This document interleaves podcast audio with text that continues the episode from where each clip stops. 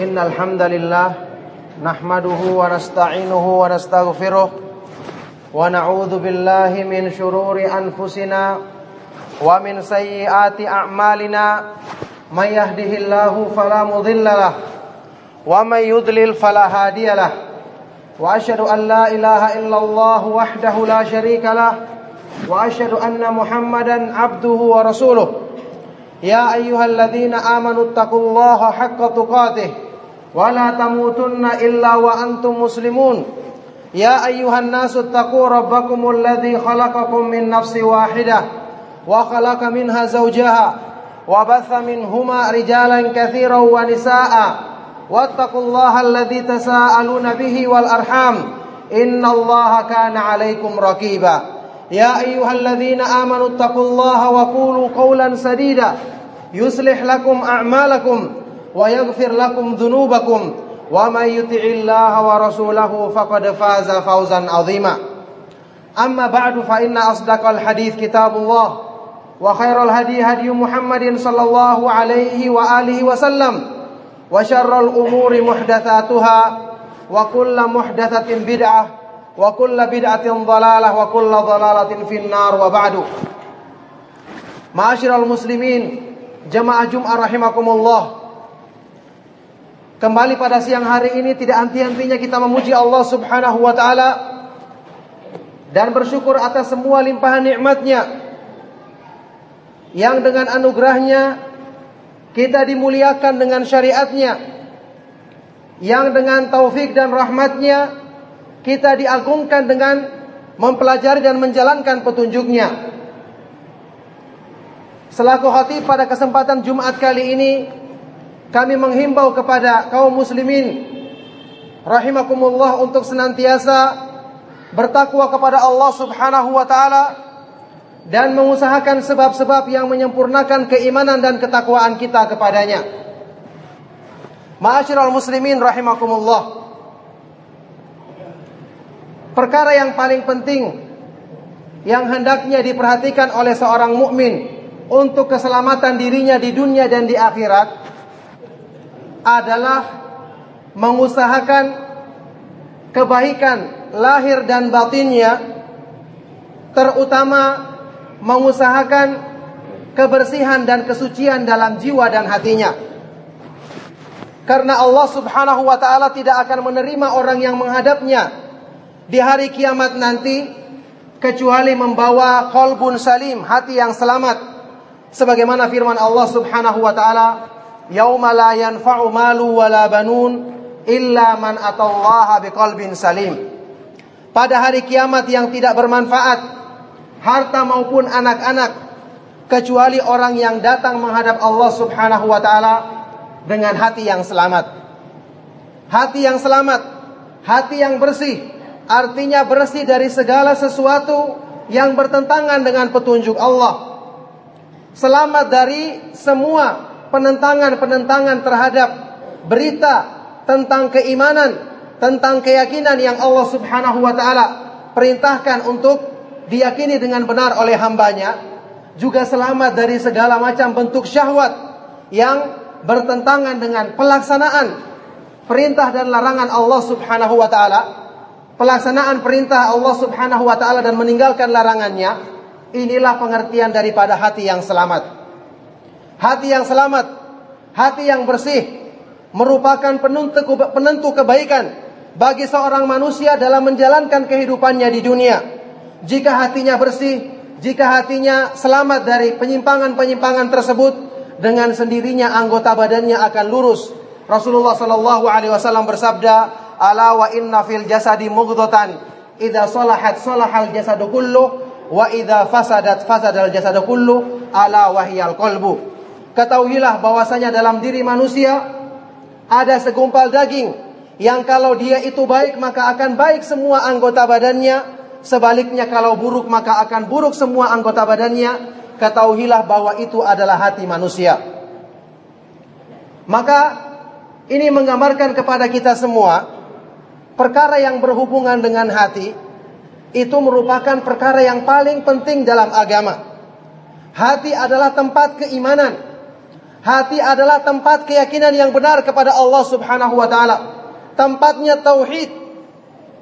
Maka karena syaitan mengetahui demikian besar kedudukan hati dalam diri manusia dalam menjadikan baik anggota badan jika dia baik dan sebaliknya naudzubillahi min dzalik buruk anggota badan jika dia buruk maka syaitan memfokuskan semua godaannya ke dalam hati manusia melalui tunggangan yang sangat yang sangat uh, efektif untuk merusak hati yaitu menggunakan hawa nafsu manusia. Nafsu manusia merupakan sebab utama yang menjadikan rusak dan kotornya hati manusia. Maka orang yang tidak berusaha untuk membersihkan jiwanya, melakukan pensucian jiwa, maka selamanya dia tidak akan selamat dalam agamanya. Cuma sekarang yang jadi kendala, yang jadi masalah ma'asyiral ma'asyiral muslimin rahimakumullah, yang jadi kendala perkara hati itu tidak semudah yang dibayangkan. Bukan seperti kita membersihkan sesuatu yang tampak. Hati tidak kelihatan, nafsu tidak kelihatan. Syaitan menggunakan atau menunggangi nafsu manusia untuk merusak hati. Dan hati manusia tidak ada yang bisa menguasainya kecuali Allah Subhanahu wa taala. Allah berfirman dalam Al-Qur'an, "Wa'lamu anna Allah yahulu bainal mar'i wa qalbi." Ketahuilah bahwasanya Allah dialah yang menghalangi, membatasi seorang manusia dari hatinya. Dari sinilah setelah menyadari kenyataan ini, banyak orang-orang yang kemudian mengambil dengan pikirannya bagaimana cara untuk mengupayakan pembersihan hati dan pensucian jiwa. Ada yang menawarkan, oh caranya seperti ini. Kita harus meninggalkan makanan-makanan tertentu. Padahal Allah subhanahu wa ta'ala menghalalkan makanan tersebut. Bertentangan dengan syariat Allah dan ini tidak akan mungkin membersihkan hati. Ada lagi orang yang menawarkan, oh kita harus berzikir sekian banyak. Dengan zikir seperti ini. Diteliti, tidak ada dalilnya dalam Al-Quran dan juga hadis Nabi SAW. Tidak mungkin akan membersihkan hati manusia. Karena hati yang menguasainya Allah. Ternyata Allah subhanahu wa ta'ala telah menjadikan dalam syariatnya yang sangat lengkap dan sempurna ini segala sesuatu yang dibutuhkan oleh manusia untuk memperbaiki agamanya, apalagi perkara yang paling penting yaitu hati manusia. Rasulullah Shallallahu Alaihi Wasallam diutus dengan membawa wahyu dari Allah, Al-Quran dan Sunnah beliau. Tugas utamanya adalah untuk membersihkan hati, mensucikan jiwa manusia. Lihatlah firman Allah Subhanahu Wa Taala yang banyak dalam Al-Quran yang menjelaskan hal ini. Di antaranya firmannya, kama arsalna fikum rasulan minkum yatlu alaikum ayatina wa yuzakkikum wa yuallimukumul kitaba wal hikmah wa yuallimukum ma lam takunu ta'lamun. Sebagaimana kami mengutus kepada kalian wahai manusia seorang rasul dari kalanganmu sendiri yang tugasnya adalah membacakan kepada kalian ayat-ayat kami wa yuzakkikum dan mensucikan jiwa-jiwa kalian, membersihkan hati-hati kalian dan mengajarkan kepada kalian Al-Qur'an dan hikmah yaitu sunnah dan mengajarkan kepada kalian apa yang tadinya kalian tidak ketahui. Subhanallah ternyata petunjuk Allah telah memberikan jalan keluar dari masalah terbesar yang kita hadapi. Oleh karena itulah Rasulullah Sallallahu Alaihi Wasallam mengumpamakan petunjuk yang beliau bawa seperti hujan yang baik yang Allah Subhanahu wa taala turunkan untuk menghidupkan tanah yang tandus, memberikan kehidupan bagi hewan, tumbuhan dan manusia yang meminum dari air hujan tersebut. Rasulullah sallallahu alaihi wasallam bersabda dalam hadis sahih riwayat Imam Bukhari dan Muslim, "Inna mathala ma ba'athani Allahu bihi minal huda wal ilmi kamathali ghaithin asaba ardhan." Sesungguhnya perumpamaan dari petunjuk dan ilmu yang aku bawa dari Allah Subhanahu wa taala adalah seperti perumpamaan hujan yang baik yang Allah turunkan ke bumi ini. Lihatlah bagaimana hujan ketika turun. Tanah yang tadinya gersang akan menjadi subur. Hewan-hewan yang tadinya kehausan akan mengambil manfaat Demikian pula tumbuh-tumbuhan akan tumbuh. Demikianlah fungsi daripada petunjuk Allah Subhanahu wa taala. Maka apakah setelah ini kemudian kita berpaling mencari cara-cara yang lain dengan menghalalkan apa-apa yang Allah haramkan, membuat zikir-zikir sendiri yang tidak bersumber dari petunjuk Allah? Siapa yang bisa menjamin amalan-amalan tersebut untuk mensucikan kita kalau Allah Subhanahu wa taala tidak mensyariatkannya bagi manusia? Tidak ada cara lain, ma'asyiral muslimin rahimakumullah untuk bisa memperbaiki hati kita yang merupakan syarat mutlak agar kita diterima ketika menghadap Allah adalah harus dengan belajar petunjuknya. Belajar Al-Quran dengan pemahaman yang benar. Belajar hadis-hadis Nabi Shallallahu Alaihi Wasallam untuk kita perbaiki kerusakan-kerusakan jiwa kita, kotoran-kotoran dalam hati kita. Biasakan hati kita, jiwa kita untuk mengamalkan sunnah Nabi Shallallahu Alaihi Wasallam dengan mempelajarinya, mempraktekannya dalam kehidupan kita, maka dengan cara inilah kita akan mencapai kebersihan jiwa, kesucian jiwa dengan taufik dan petunjuk Allah Subhanahu wa taala. Maka mudah-mudahan khutbah yang singkat ini memberikan manfaat kepada kita semua untuk semakin mensyukuri nikmat Allah karena Dia menganugerahkan kepada kita syariat yang sangat indah, yang sangat agung dan sangat lengkap ini. Dan semoga Allah Subhanahu wa taala menjadikan kita termasuk golongan orang-orang yang selalu berpegang teguh dengan syariatnya dengan mempelajari dan mengamalkannya dengan sebaik-baiknya. Barakallahu li wa lakum fil Qur'anil azim. Wa nafa'ani wa iyyakum bima fihi minal ayati wa dzikril hakim ونفعنا بهدي سيد المرسلين وبقوله القويم أقول قولي هذا وأستغفر الله لي ولكم ولسائر المؤمنين فاستغفروه إنه هو الغفور الرحيم. الحمد لله الحمد لله على إحسانه والشكر له على توفيقه وامتنانه وأشهد أن لا إله إلا الله وحده لا شريك له تعظيما لشانه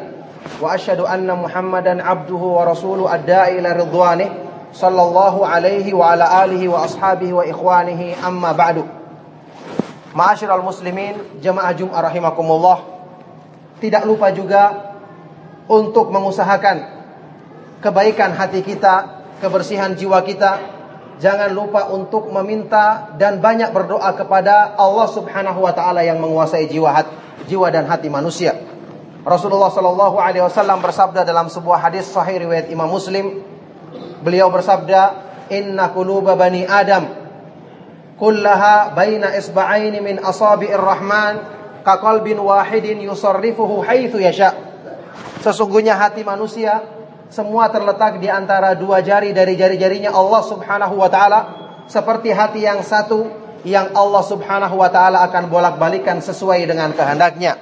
Maka hanya dengan berdoa dan meminta kepada Allah kemudian berpegang teguh dengan ajarannya kita akan mencapai kesucian jiwa dan kebersihan hati.